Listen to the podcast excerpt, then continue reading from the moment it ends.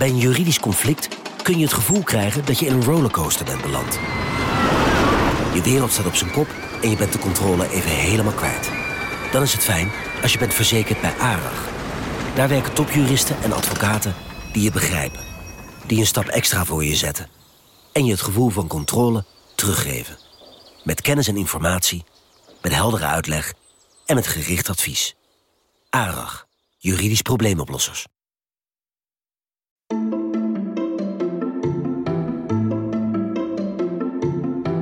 Wij zijn Onbehaarde Apen. Dit is een podcast van NRC over wetenschap.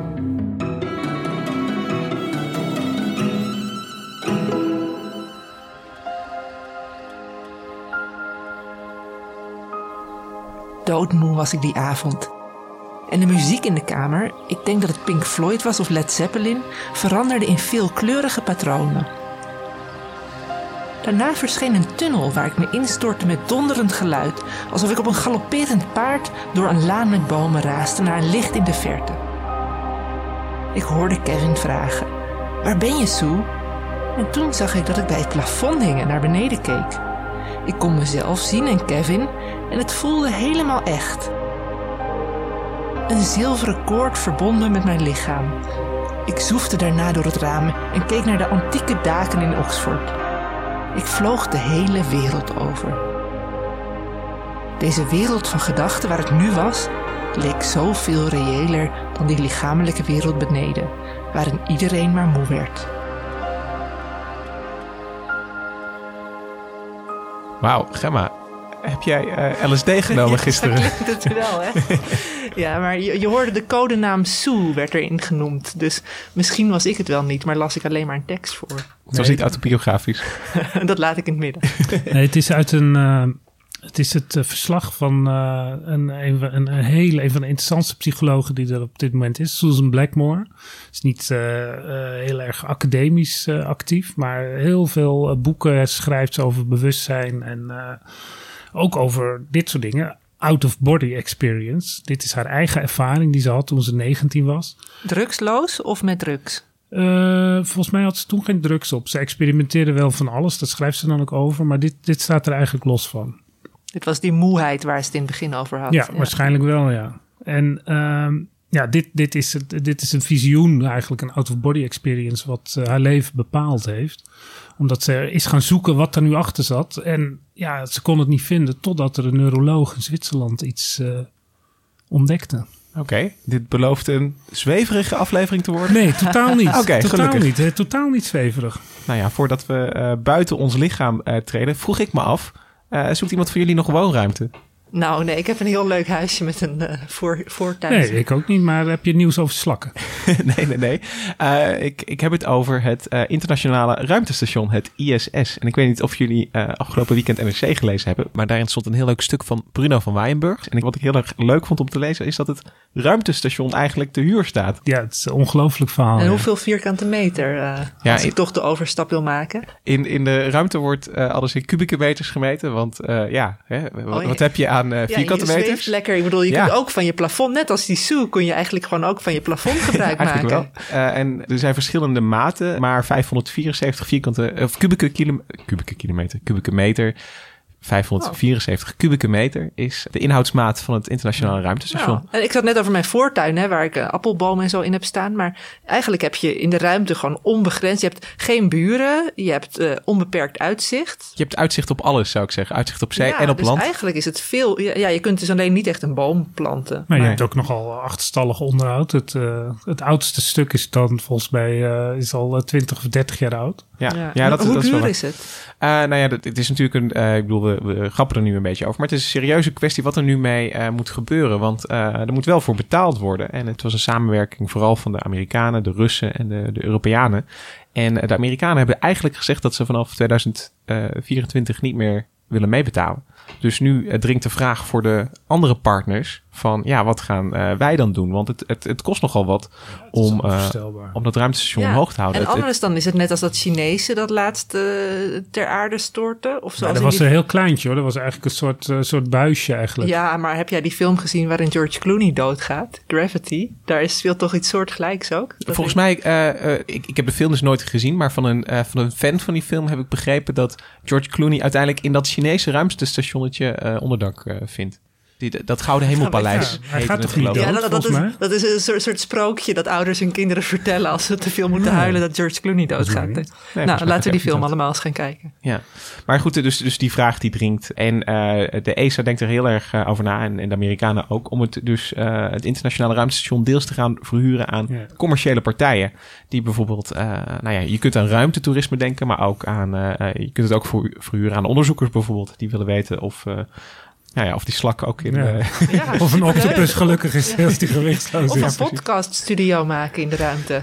Dit is Maar ik- Ik ben vooral eh, benieuwd naar wat er eh, voor in de plaats komt. Want eh, ze hebben dus enorme plannen om een, om een reis naar Mars te gaan maken.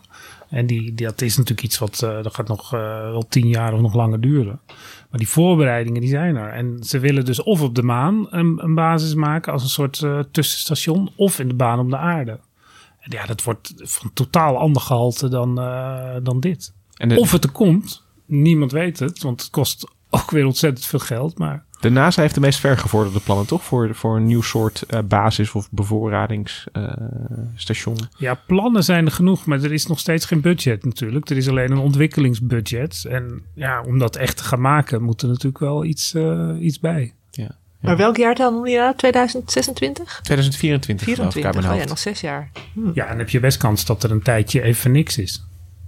Maar het, ik, ik- je moet af en toe gas bijgeven in het Ja. internationale ruimtestation. Dus er gaan nog vluchten eh, omhoog. Eh, dat- dan, anders dan, dan zijn we het kwijt. Toch? Ja, ze zullen wel iets... eh, het wordt dan een soort oude schuur ergens. Ja, waar, waar je af en toe nog even iets... Af en toe wat stalt. wat, De eerste ruïne in de ruimte. is ook wel interessant. Nou, er zijn nog wel meer ruïnes in de ruimte. Oh, Dus Sputnik, is- gaat, gaat die nog rond? Nee, die is Oh, die, niet- die niet meer. Oké. Nou goed, eh, van de ruimte in de ruimte gaan we Ja, naar de innerlijke ruimte. De innerlijke ruimte, Hendrik. Ja, dit... eh, We begonnen met een fascinerend verhaal. Ja, maar ik, ik noem het een visioen en misschien niet helemaal terecht. Het, de technische term is een out-of-body experience, een, eh, een uittredingservaring. Het is dus een, een reële ervaring. En het, het is dus niet een, eh, sommige mensen noemen het een hallucinatie, maar de, de mensen die het hebben, die voelen dat als een hele reële ervaring. En het interessante, dit is dus eh, van Susan Blackmore, die heeft een, eh, heeft een hele lange ervaring gehad eh, op dit gebied. En dat beschrijft ze in haar boek Seeing Myself, The New Science of Out-of-Body Experiences, wat vorig jaar verscheen.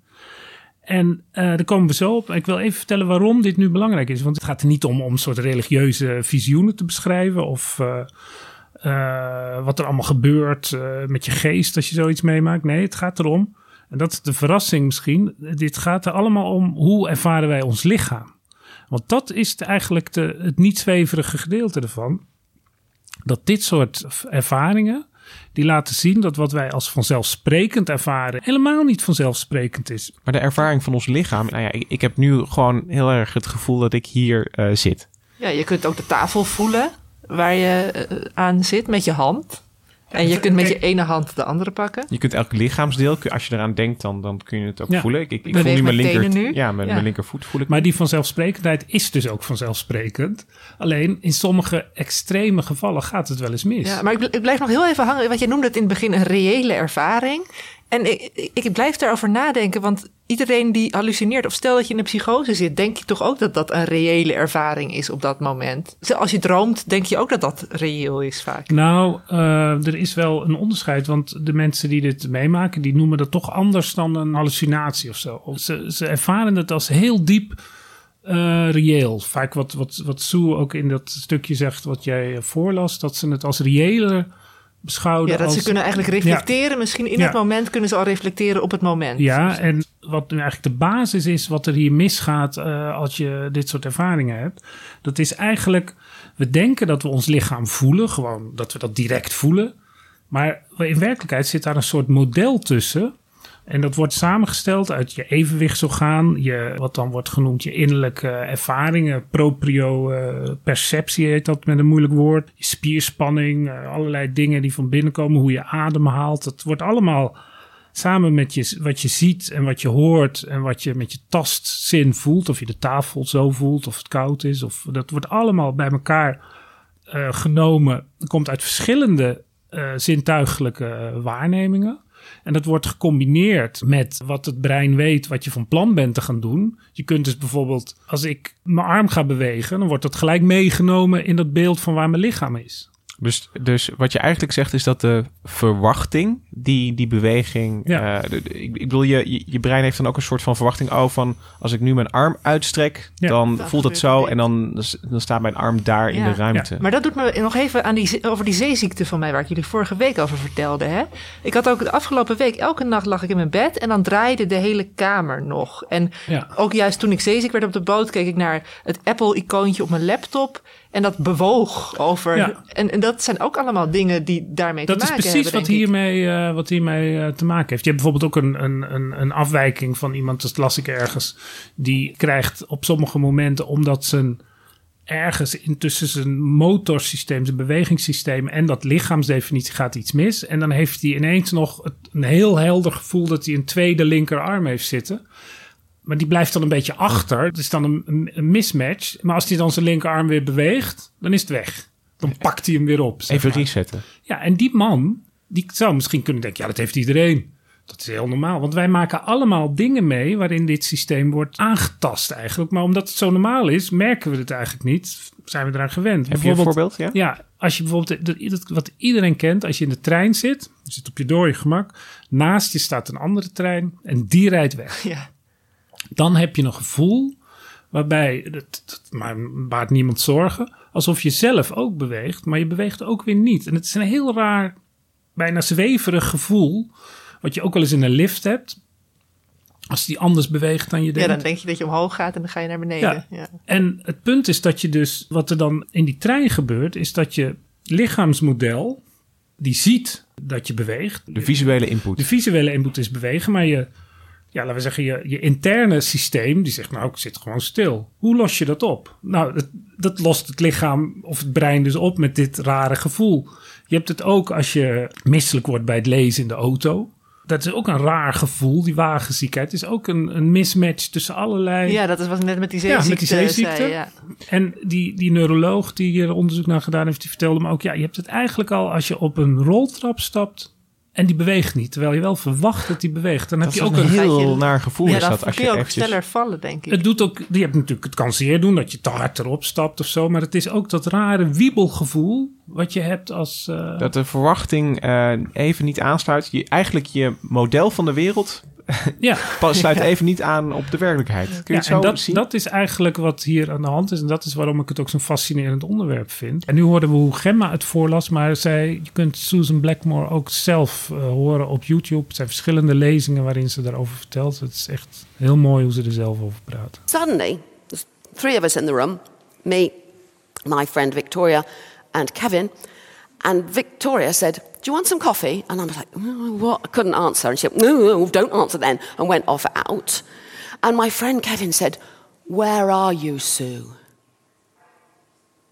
Imagine someone asking you that question when you're just sat on the floor going down a tunnel. And I was like, um, um, Well, uh, no, I'm in Vicky's room. And suddenly everything went clear. And when I say went clear, some of you may have had this experience. You may have had it on the verge of sleep, or if you uh, have certain types of meditation, you may have had it when suddenly everything is just amazingly clear. And I was on the ceiling looking down, and there was Vicky out in the corridor. I could see through walls, my body down there, Kevin there. And I said, Oh, I'm on the ceiling! And I saw the mouth down there going, I'm on the ceiling. Freak, freak, you know. Maar hier, zie, hier hoor je ook weer die, uh, die verwachting waar we het net over hebben. Die is hier ook heel belangrijk. Want zij weet op dat moment dat Vicky op de gang is. Uh, um, ze, ze, ze, voelt, ze, ze, ziet er zelf spreken, maar ze voelt ook waarschijnlijk dat ze eh, dingen zegt. Dus er is nog een, een, een lijntje met, Ja, ja. met de Ze heeft het zelf ook weer ingevuld, inderdaad. Het is een integratie van alles wat je weet en denkt, verwacht, voelt. Maar die dan net anders uitkomt, namelijk op het plafond. Ja, ik vind het nog wel een beetje bizar. Weet je, als dit een film zou zijn, hè, super handig, leuk om het vanuit verschillende perspectieven even te zien, levert mooier beeld op. Zou ook handig zijn als we dat in ons dagelijks leven konden doen. Maar eh, ja, het klinkt toch ook best wel raar. Maar mag ik nog iets voorleggen? Want, want als kind lag ik vroeger wel eens in, in bed. En dan stelde ik me voor dat ik in een... eh, kon ik niet slapen. En dan stelde ik me voor dat ik in een achtbaan zat. En dan, eh, weet je, eerst met dat, met dat omhoog. En eh, eh, nou ja, dan eh, dat heuveltje over. Dan, dan keihard naar beneden. en ik dan heb een scherpe neiging om bocht. nu mijn handen in de lucht. Jee, dan Ja. gaan we naar beneden. Maar dat, dat, dat was op een of andere manier was het heel... eh, het, het was bijna echt. Ik voelde bijna mijn, mijn lichaam heen en weer gaan. Terwijl En ik, ik lag gewoon stil in Had bed. je dan vervolgens, als je in slaap viel, ook van die valdromen? Weet je, dat je met je fiets valt eh, of dat je uit de Ja, dat heb ik dan dus weer dan? nooit. Ik, ik, ik, ik val nooit of ik vlieg nooit in mijn dromen. Dat Nou, dit is trouwens ook wel een goed voorbeeld. Omdat als je in slaap valt, dan verandert er ook iets in de aansturing van je lichaam. Hè? Je, je, je wordt slap. En als daar iets misgaat, als je dus zeg maar al in slaap valt of je, je lichaam zet zeg maar de beweging zet die uit. Vlak voordat je echt in slaap valt, dan ervaart je brein, is natuurlijk al een beetje in slaap gevallen, die ervaart ineens dat, dat alles slap wordt.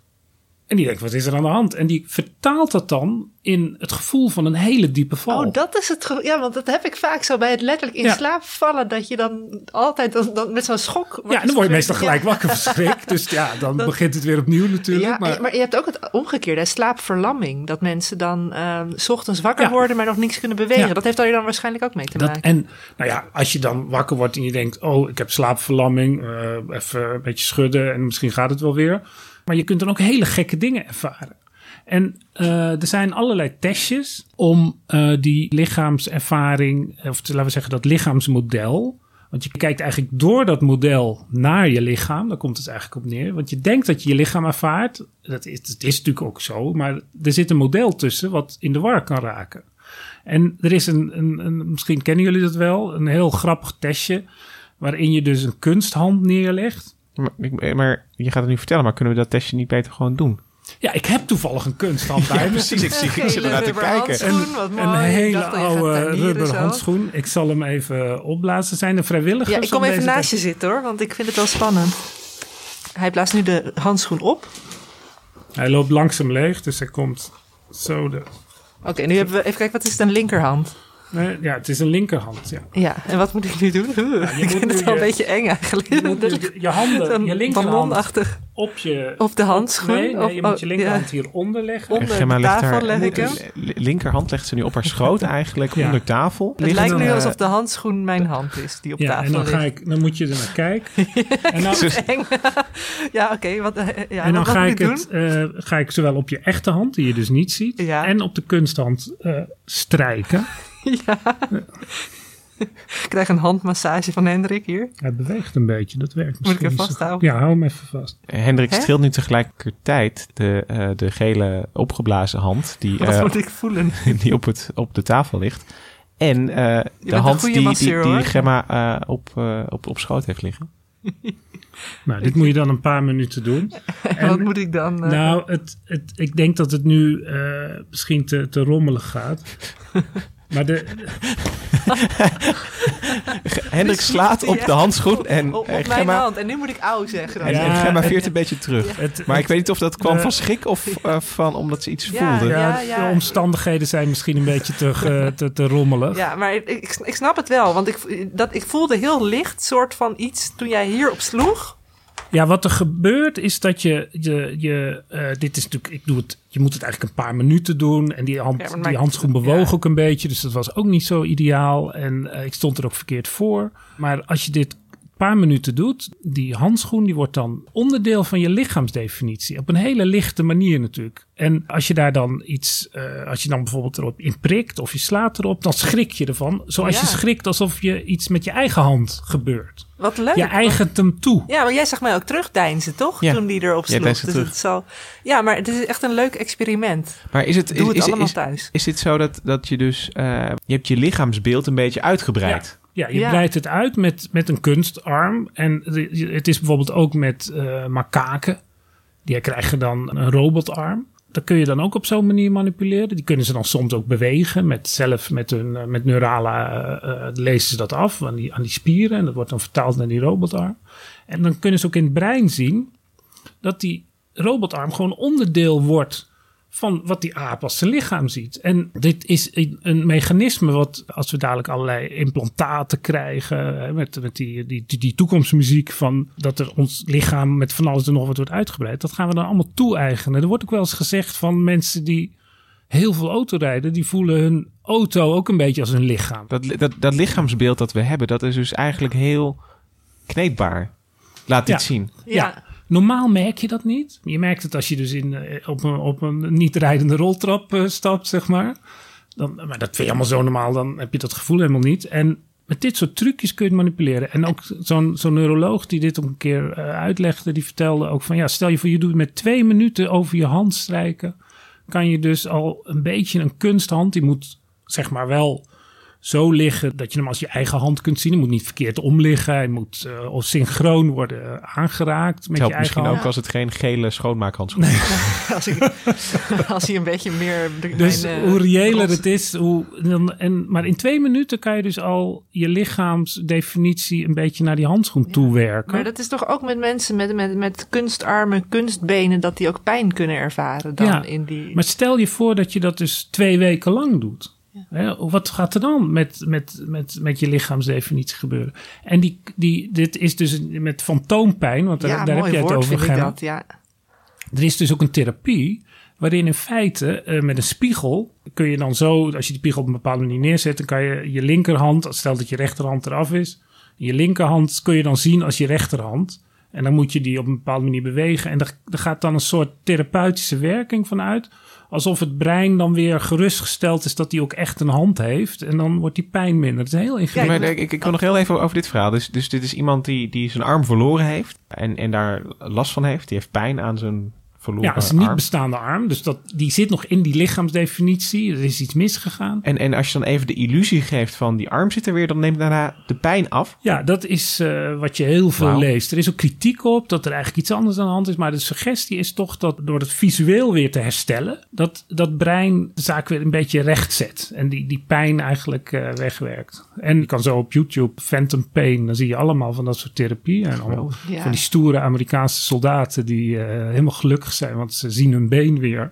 Ja. En dan gaat het weer een beetje. Ja. Ja, ondertussen zit ik heel innig verstrengeld met de, mijn vingers van mijn rechterhand met die, met die vingers van de, van de handschoen. Het, zit, het voelt best, best vertrouwd eigenlijk al, hand in hand met de rubber handschoen. Maar dit kan, je kan dit, dus, dit kan dus heel ver gaan, hè? want je hebt nu ook heel veel onderzoeken dat je dus zeg maar je hele lichaam een eentje verder voelt staan. Dat zijn met testjes. Dat je dus een bril op krijgt. Dat je een soort virtueel beeld krijgt van een camera die achter je staat. Zodat je je eigen rug ziet.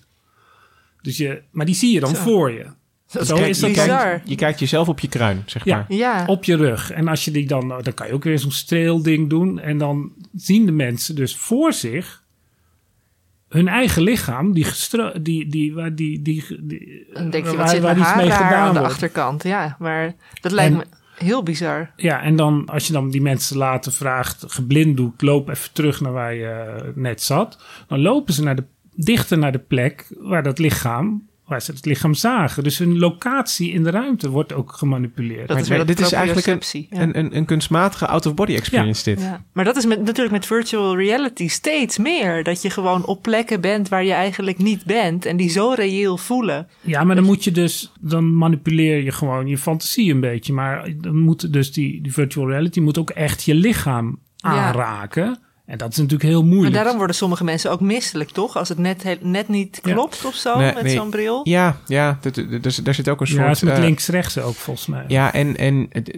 het is ook weer een soort, soort wagenziekte. Is, is dat eh, door kleine vertragingen eh, in, in wat je ziet en wat je voelt. Ik bedoel, als je net een beetje schuin staat, maar, maar de wereld die je ziet, die is, die is recht. Dat botst ook Ja. dan weer. Maar om, om even aan te geven, als je dus die romp die je dan voor je ziet, dat kan ook een kunstmatige romp zijn. Als je bijvoorbeeld het hartslag van de proefpersoon in die romp laat zien, dan eigent dat ook alweer een beetje toe. Het onderdeel van de lichaamsdefinitie is dus ook bijvoorbeeld het gevoel van hartslag, waar je helemaal niet van bewust bent. Tenzij je nu dit hoort en denkt, god, ik voel ineens mijn hart. Dat let je helemaal niet op, maar het is er natuurlijk altijd wel.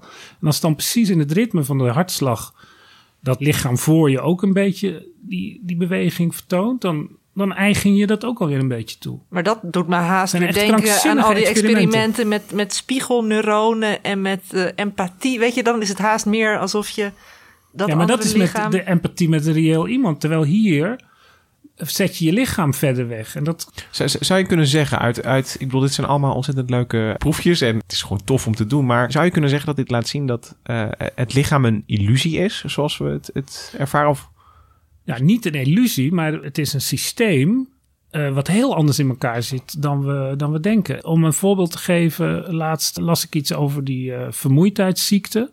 En toen werd me ineens gewaar dat ik dacht van ja, als je denkt dat je moe bent, dan denk je dat je direct je vermoeide spieren voelt. Die voel je gewoon. Je voelt dat die spier vermoeid is. Ja, moeie benen. Maar uit dat artikel bleek eigenlijk dat wat je voelt is niet je spieren. Nee, je voelt het model wat je hoofd heeft van de signalen die uit die spieren komen of niet. En bij bepaalde ziektes, en ook als je zelf heel erg ziek bent, dan voel je ook doodmoe. Maar die spieren zijn niet moe. Maar je voelt die boodschap. Je voelt die boodschap. ja. En vaak door stress kan dat eh, een soort eh, visieuze cirkel worden. En dan kun je dus heel moe zijn, terwijl er eigenlijk met je spieren niks aan de hand is. Maar je, je voelt het alsof het die spieren zijn. Dus je zit in dat model in je hoofd. Ja, dus En dat is natuurlijk een model wat voortdurend wordt gereset door de werkelijkheid. Maar er kan wel eens van alles in misgaan. Maar je wil dan eigenlijk de signalen eh, bijsturen in plaats van de spieren zelf, zeg maar. Er, er gaat iets mis met... Ja, het brein is zo complex. Er zitten altijd lagen tussen. Er is geen directe ervaring eigenlijk. nee, Je ja. denkt dat je dingen ziet, maar het is ook voortdurend ingevuld. Er zijn ook beroemde testjes dat je dan zo'n gorilla door het beeld ziet lopen en niemand eh, herkent dat. Mag ik nog één ding toevoegen? Een interessant experiment waar ik over heb gelezen. Mensen die allemaal ehm, hoofdpijn krijgen door straling, door wifi bijvoorbeeld. Een keer eh, in een bunker een experiment meegedaan dat er geen wifi-signalen van buitenaf konden komen. En op het moment dat eh, wifi werd aangezet, kregen die mensen ook allemaal meetbare lichamelijke klachten. Maar het interessante was dat alleen aan hen was verteld dat de wifi werd aangezet. Dus ze voelden echt lichamelijke klachten, maar dat zat ergens toch in hun brein. Ja, Nou, dat vond ik ook leuk. ja dat, het is dus bijvoorbeeld ook. ehm, eh, dan zie je hoe manipuleerbaar dat is. Dat als je dus bijvoorbeeld die mensen die dus zeg maar zo'n lichaam voor zich, dat ze zich daar meer mee identificeren. En dat eigenlijk, dat is ook een soort een kleine soort uittreding. Die mensen ervaren ook minder pijn op hun lichaam. Ik, ik, ik, zit weer aan mezelf te denken die voelt alsof je in een achtbaan zit. Ik bedoel, dat, dat, nu je dat vertelt, Gemma, ja, ik, ik kan me wel voorstellen dat die, dat die pijn of dat, dat gevoel kan heel echt zijn. Ja. Ook Ja. al, ook al is, is, is de, de oorzakelijke bron niet wat ze denken Nee, dat maar en dan worden kan ze dan misschien voor eigen aanstellers uitgemaakt, terwijl ze Ja. dat dus niet zijn. Ze lijden echt. Ja. Maar Maar misschien is het trouwens leuk om even te horen hoe het visioen afliep. Want Susan Blackmore hangt daar aan het plafond. Nou, ze gaat de hele wereld over. Maar op een gegeven moment denkt ze, ja, ik moet toch weer terug in mijn lichaam. En dat valt ook niet mee. And then I got really tired and I thought, right, this time I am really, really going to go back in and I'm going to get inside that body and get back to normal. So imagine now you come back, there's your own body down there with a jagged neck and no head. And I thought, I've got to get in there somehow and I've got to go back to being normal. So I kind of went, got my, made myself go smaller, which was quite difficult because I was really, you know, kind of weird shape. Got myself in and I got smaller, but then I went smaller and smaller and smaller and smaller. And I got so small that I could just run around inside the body. And I said, No, you've got to, this is all wrong, you know, this is. And I was like, my legs like this, so I kind of went up the leg and then whee down there. And I mean, it was ridiculous stuff. Anyway, then I thought, You've got to get to the right size. So I tried to make myself bigger, and I got bigger, and I just about got to the right size, but I didn't stop, and I went on and on and on and on. And I just got bigger and got the size of the Earth, and got this, the moon came in, and then planets, and then stars, and then I just went into everything. Ja, en uiteindelijk gaat ze dat via een een of ander gat in de nek weer terug in de lichaam. En je, is je hoort dus, weird ja. je hoort dus hoe, hoe ver het kan gaan. En het, het grappige is dat je... Ik heb wel eens eh, een, een, een gips op mijn been gehad. En eh, dan, dan moest ik echt, als ik s- s'avonds eh, in slaap viel... moest ik echt strijden tegen het gevoel dat dat been groter en groter en groter en groter werd. Dus jij vond het wel herkenbaar? dit? Nou ja, voor een deel is dit dan van, is het dan ook herkenbaar? Kijk, er zitten ontzettend veel beelden bij. En, Ja, en- maar ik dwaalde ook een beetje af wel. Ik dacht na een tijdje van nou, dit is wel heel eh, ongeloofwaardig. Hoe bedoel je ongeloofwaardig? Nou, gewoon dat het steeds groter wordt en steeds groter wordt. Ik dacht toch wel, wat heeft ze geslikt dat ze deze ervaring mee heeft gemaakt? Het, het- en, als ik gewoon mag zeggen, het klinkt heel erg als wat mensen die LSD gebruiken eh, beschrijven. Ja. Met het oplossen van het zelf uiteindelijk. Ja. And there wasn't any me, or if there was a me, it was everything. And there wasn't really any everything because although there was kind of stuff, there wasn't time and space didn't mean anything anymore. en is- ook een beetje religieus klonk het haast. Oh, dan kom ik opeens een wezen tegen. Dat, eh, And then Kevin said, he said, well, what, what now? Can't you go any further? And part of me is going, well, no, uh, there isn't a me to go any further. I mean, you know, that sort of thing. And, but another part's going, well, maybe. And it was like another world opened up, like a kind of cloud, and there was a sense of some kind of being that was observing me with a sort of kind amusement. And I just was left with the words, however far you go, there's always something further. Ja, toch zijn dit, dit, is een, dit, zij heeft zelf een extreem eh, voorbeeld meegemaakt en heeft eh, ontzettend eh, geprobeerd om eh, binnen die parapsychologie dat op te lossen. Maar dat is dus niet gelukt, want ja, ze had op een gegeven moment, dacht ze misschien heeft het iets met slaapverlamming te maken, met lucide dromen. En ja, en er zijn heel veel dingen die lijken er allemaal op. Maar ze had niet zeg maar het, de verklaring van wat is hier nu aan de hand. Want je moet eigenlijk kiezen van of je neemt het eh at face value. Je denkt van nou, ik heb dus een geest die mijn lichaam kan verlaten. Zo wordt het heel vaak geïnterpreteerd. Maar dat is heel moeilijk te geloven. Want ze heeft bijvoorbeeld, ze vertelt dat ze eh, over Oxford vliegt en daar eh, de dak van dat huis zag. Nou, ze is een paar dagen later op de dak gaan kijken. Was, zag er totaal anders uit dan ze zich eh, in die dingen had Het klopt voorgesteld. niet. Ze zag het niet, dus Nee. niet echt. En ze, heeft, ze is ontzettend veel in kringen geweest met mensen die dat ook het schijnt te kunnen, bij zichzelf te kunnen oproepen of heel vaak meemaken. En die hadden gezegd, nou, weet je, we doen gewoon een test. Als jij nu in je keuken op het kastje een nummer legt en dan ga ik kijken als ik zo'n eh out-of-body experience ik treed even uit en dan Ik- ga ik ja. even op dat kastje Het is kijken. nooit gelukt natuurlijk. Want eh, heel veel dingen die je ziet, als je het gaat controleren, klopt het niet. Ook uit de geschiedenis, het zijn allemaal verhalen. Als je daar precies naar gaat kijken, dan kloppen de data niet. Dan, dan is het een visioen bij een storm of juist weer niet. En dat, dat, het is Maar- gewoon heel moeilijk. Het is gewoon niet te bewijzen dat het echt Nee, zo maar je gebeurt. kunt ook, net zoals ik vroeger dan een soort vliegdrankjes maakte, eh, zo, zo noemde ik dat dan. En dan daarna sprong ik van een stapel stenen en dacht ik dat ik langer in de lucht bleef zweven. Dat is een beetje vergelijkbaar. Maar wat is Maar- maar er dan wel aan de hand? Hè? Maar- maar Want is- is- het is een hele reële ervaring. Ja. En de doorslag gaf dus, en dat is eigenlijk die hele, die hele tour die we nu gemaakt hebben met die lichaamsdefinitie. Die lichaamsdefinitie is eigenlijk een, een, een kennis die in begin de jaren 2000, in 2002, is dat eigenlijk met een knal. En voor, voor Sue Blackmore was dat ook echt een enorme ontdekking. Dat er dus een, een hersendeel is die zich bezighoudt met die integratie van eh, al die verschillende signalen die uit het lichaam komen om je lichaam te definiëren. Dat er dus een soort schil tussen zit die gemanipuleerd kan worden. Waar we het eigenlijk al die tijd over gehad hebben met die rubberen handschoen ook. En dat is een, een Zwitserse neuroloog, eh, Olaf Blanke. Er zijn verschillende mensen die zich ermee bezighouden. En die eh, deed in 2001, denk ik, pu- publicatie van 2002 in Nature die eh, opereerde een eh, epilepsiepatiënten. En dat zijn altijd hele ingrijpende operaties, want dan gaan ze iets in het brein weghalen wat een verschrikkelijke epilepsie veroorzaakt. Maar om te kijken dat ze niks cruciaals doen of dat ze precies weten wat ze doen, testen ze vaak, dan ligt de schedel open, testen ze in het brein met elektrische stroompjes. Wat gebeurt er als dit activeert? En mensen moeten ook blijven praten, Ja. omdat ze, eh, ze willen Ja. niet dat ze het per ongeluk eh, de, de, de, de spraak... eh, Ja. dus ja, ze zijn bij verlammen. kennis terwijl dat Ja. allemaal gebeurt. Ja, En mensen moeten, krijgen dus vragen. Nou, vertel eens over eh, nou ja, wat je vanochtend ontbeten hebt. Ja, en kijken ze wat er terwijl je gebeurt. schedel Ja, open en terwijl ze daar dus aan het manipuleren Ja. zijn. Het En, is, het is dat echt... is, eh, en dat, dat doet geen zeer, want die, Nee. die schedel openmaken doet natuurlijk wel zeer, maar het brein zelf is gevoelloos, gek genoeg. En dan toen gebeurde er dus bij die operatie, ineens zei die vrouw, er gebeurt iets heel geks. En nou laat ik Olaf Blank even aan het woord. She's like, I'm not really sure what happened. Could, could you stimulate one more time? It seems like I'm looking at you guys from above the ceiling. We're like, sure. Um, why not? Um, it was really each time we put this current into this particular region there that she said it became clearer and she could describe it uh, quite well. It was actually quite precise. She felt like she almost could touch the ceiling with her back. But of course, she was lying on her back, but she felt to be touching um, the ceiling. She saw um, us three sitting around her bed. What was really strange for her, which also is not very frequently reported, that she only saw her legs on the bed.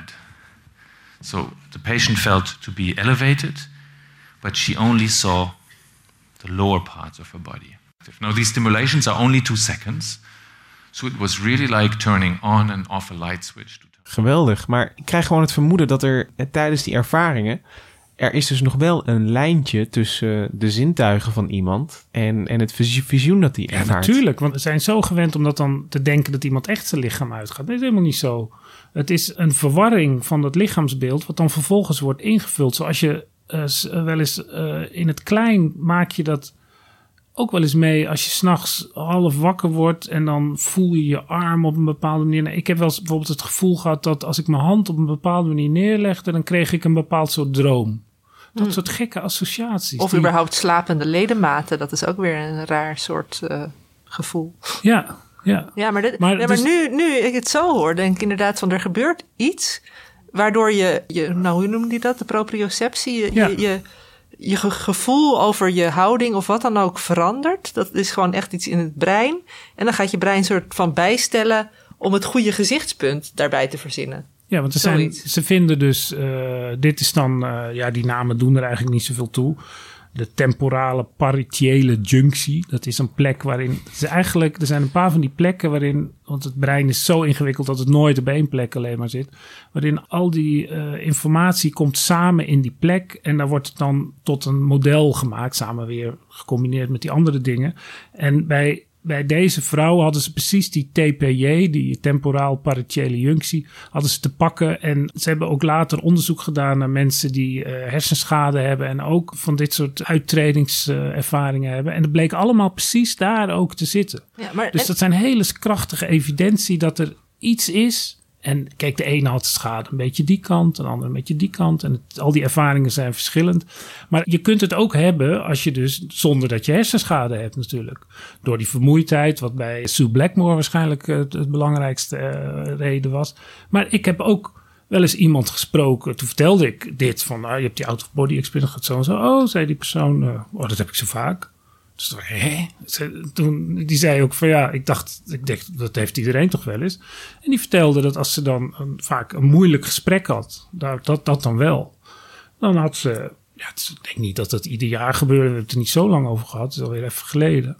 Maar dan, dan had ze ze het gevoel van bovenaf de zaak bekeek. En dan had ze ook niet het gevoel dat ze zelf boven het plafond hing, want ze was ook in haar nee, maar eigen als lichaam. een soort verteller die dan Ze daarboven keek het dan van bovenaf en het was reëel. Mag nou, ik- dat, dat zijn allemaal hele gekke ervaringen. Nu- nu- Ik vind het allemaal fascinerend. En ik krijg ineens een gedachte van als je even, als we één, even één stapje terugnemen, is deze TPJ wel heel belangrijk voor de wereldgeschiedenis. Want eh, eh, al die mensen die, eh, die visioenen hebben gehad, eh, religieuze figuren die, die Ja. zijn gaan vasten of die gingen mediteren, misschien vermoeid waren. En die, die terugkomen met fantastische verhalen over wat ze allemaal niet gehoord en gezien hebben. Ik bedoel, de, die ervaring die, die was waarschijnlijk dan, dan hè, oprecht, als, als het vergelijkbaar is. Ja, maar je hoort het ook in dat verhaal wat, wat Susan Blackmore in die lezing had. Dat ze nog een aanwezigheid voelde die welwillend naar haar keek. Ja, dat, als je dat als onderdeel van, een, van zo'n totaalervaring hebt, dan heb je eigenlijk een godservaring. En mystiek, het zit allemaal in deze hoek. Je hebt ook die bijna doodervaringen. Die lijken hier heel erg op.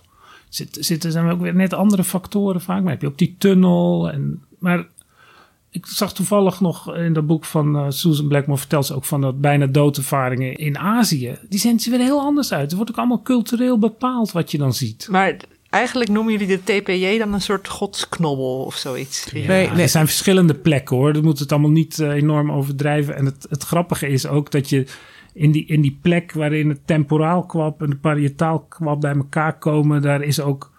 eh, je hebt ook een onderzoeker in Canada, Persinger heet die geloof ik. En die kan dan met magnetische velden, gaat hij dat plekje bewerken. Dan heb je een soort godhelm krijg je op. Krijg je ook mystieke ervaringen.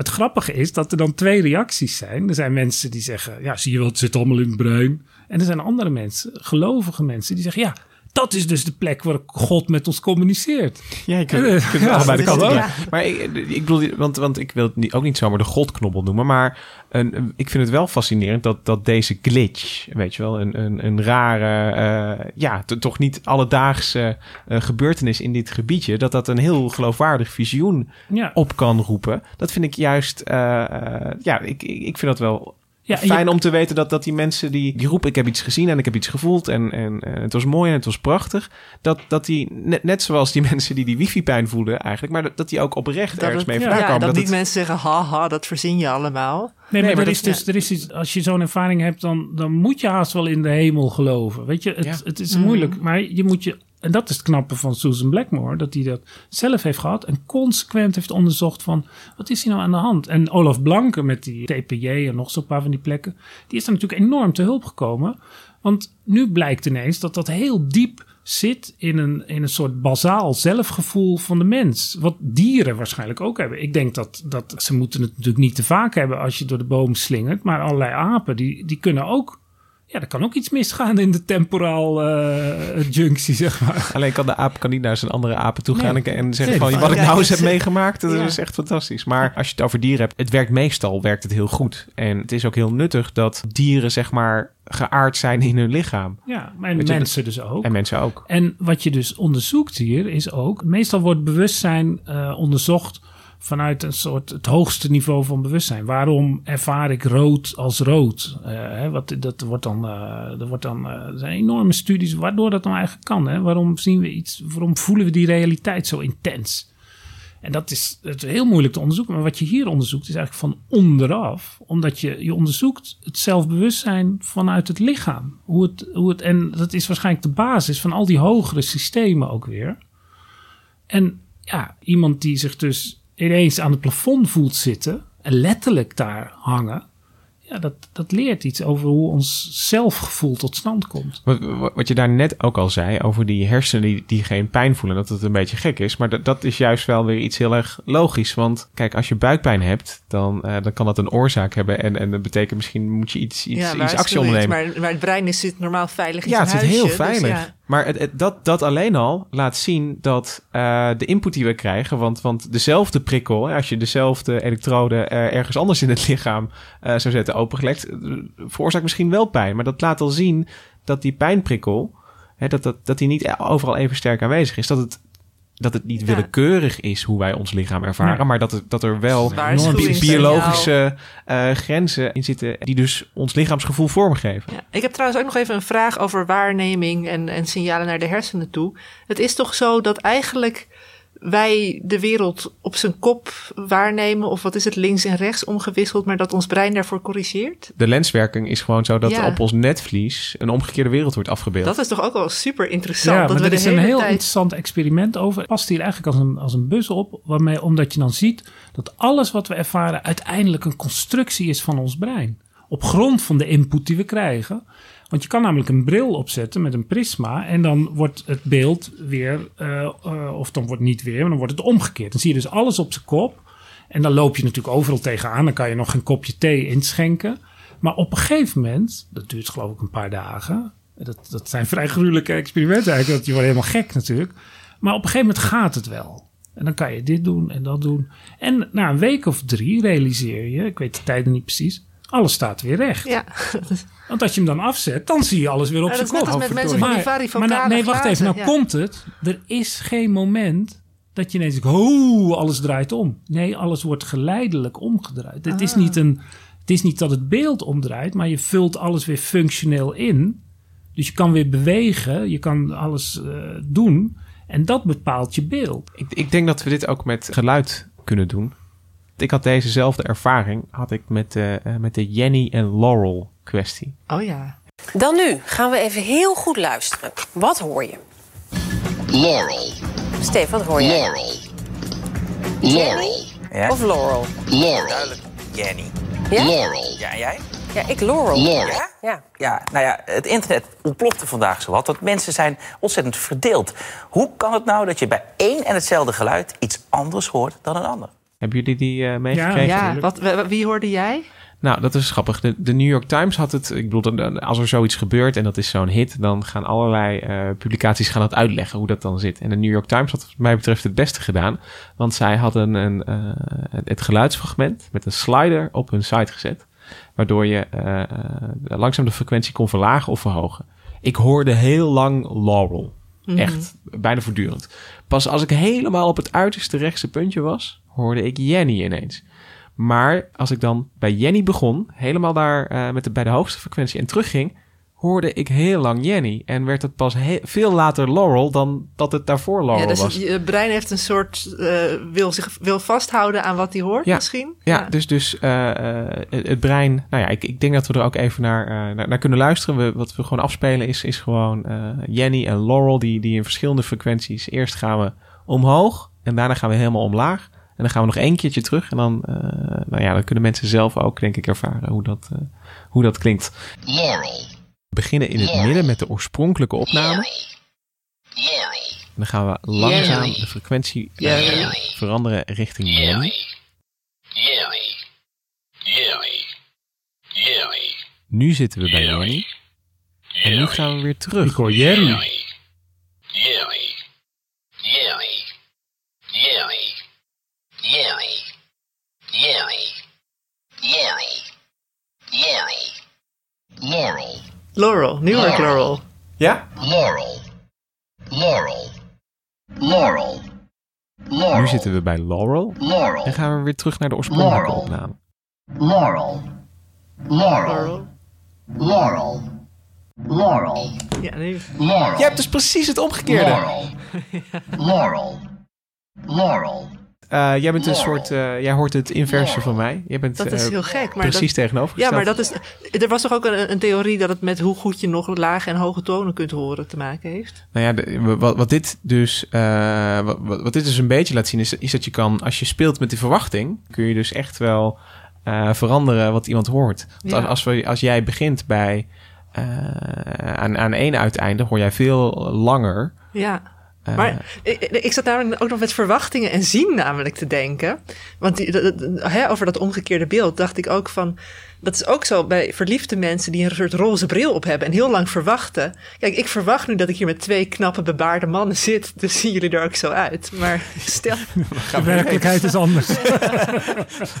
Maak u geen illusies, eh, Nee, nee, luisteraars. nee, ik dacht, zien we niet de hele wereld ook een beetje zoals we het willen zien? Ja, tuurlijk. Dat is toch... eh, Nee, maar, nee, maar eh, kijk, als je, er is zoveel dat je niet ziet, maar dat je wel ziet. Eh, er wordt zoveel uitgefilterd de hele tijd Ja. om je heen. Op de fiets alleen al, Wat je, om niet, gewoon te wat, focussen. wat je niet op dat moment nodig hebt. Maar eh, en pas als, als het weer afwijkt van de verwachting, er duikt ineens een auto op of, er, of er, er is ineens iets veranderd. Het stoplicht is ineens weg. Dan valt het pas weer op. Maar je ziet dat ook heel mooi in het brein, dat er in het, zeker naar het visuele systeem, wat heet een top-down feedback is. Want ik geloof dat eh, je hebt heel veel eh, lichaamservaringen, dan, dan wordt er gewoon een signaal van, laten we zeggen, van je hand naar je brein gegeven. Maar bij visueel loopt er een enorme draad ook terug naar het breingedeelte van de visuele dingen. Want er komt, wordt door de hogere hersendelen worden dan weer hypotheses naar beneden gestuurd om dat dan weer in te vullen. En dan kan je ook in een totale loop terechtkomen. Waardoor er eigenlijk niks meer van buiten bij kwam. Maar dat, dat, dus, er is voortdurende feedback van hogere concepten naar beneden. En als je dus een heel krachtig concept hebt, zoals je verliefd bent, dan zie je alleen maar wat je wil. Totdat dan de werkelijkheid op de deur gaat kloppen natuurlijk. Dan zie je ineens dat lelijke mannetje. Want het is niet een zo. goed punt om te eindigen. Het is niet zo dat de werkelijkheid geen invloed heeft. Nee, de, de, de werkelijkheid is er, maar toch, eh, hoe wij onszelf in die werkelijkheid zien, dat is, eh, naar wat je allemaal verteld hebt, Hendrik, is dat toch een, eh, een beetje zachter geworden. Een schema. Ja, het is een heel goed werkbaar schema wat we in ons hoofd hebben. Ja. Daar, eh, daar moeten we het mee doen. Ja, ik, ik ga nog even met mijn eh, gele rubber handschoen eh, gezellig zitten. Ja, dat is goed. Nou, wij, wij waren Onbehaarde Apen. Dit was een podcast van NRC over wetenschap. Je kunt je abonneren op onze podcast via Spotify, via iTunes en in de Google Play Store. Mirjam van Zuidam heeft deze week weer de aflevering gemonteerd. En volgende week zijn we er weer. Laat een recensie achter op iTunes. En dan, eh, dan gaan we volgende week gaan we weer verder met het eh, volgende. Als we onszelf nog in ons lichaam voelen zitten tenminste. Tot de volgende keer.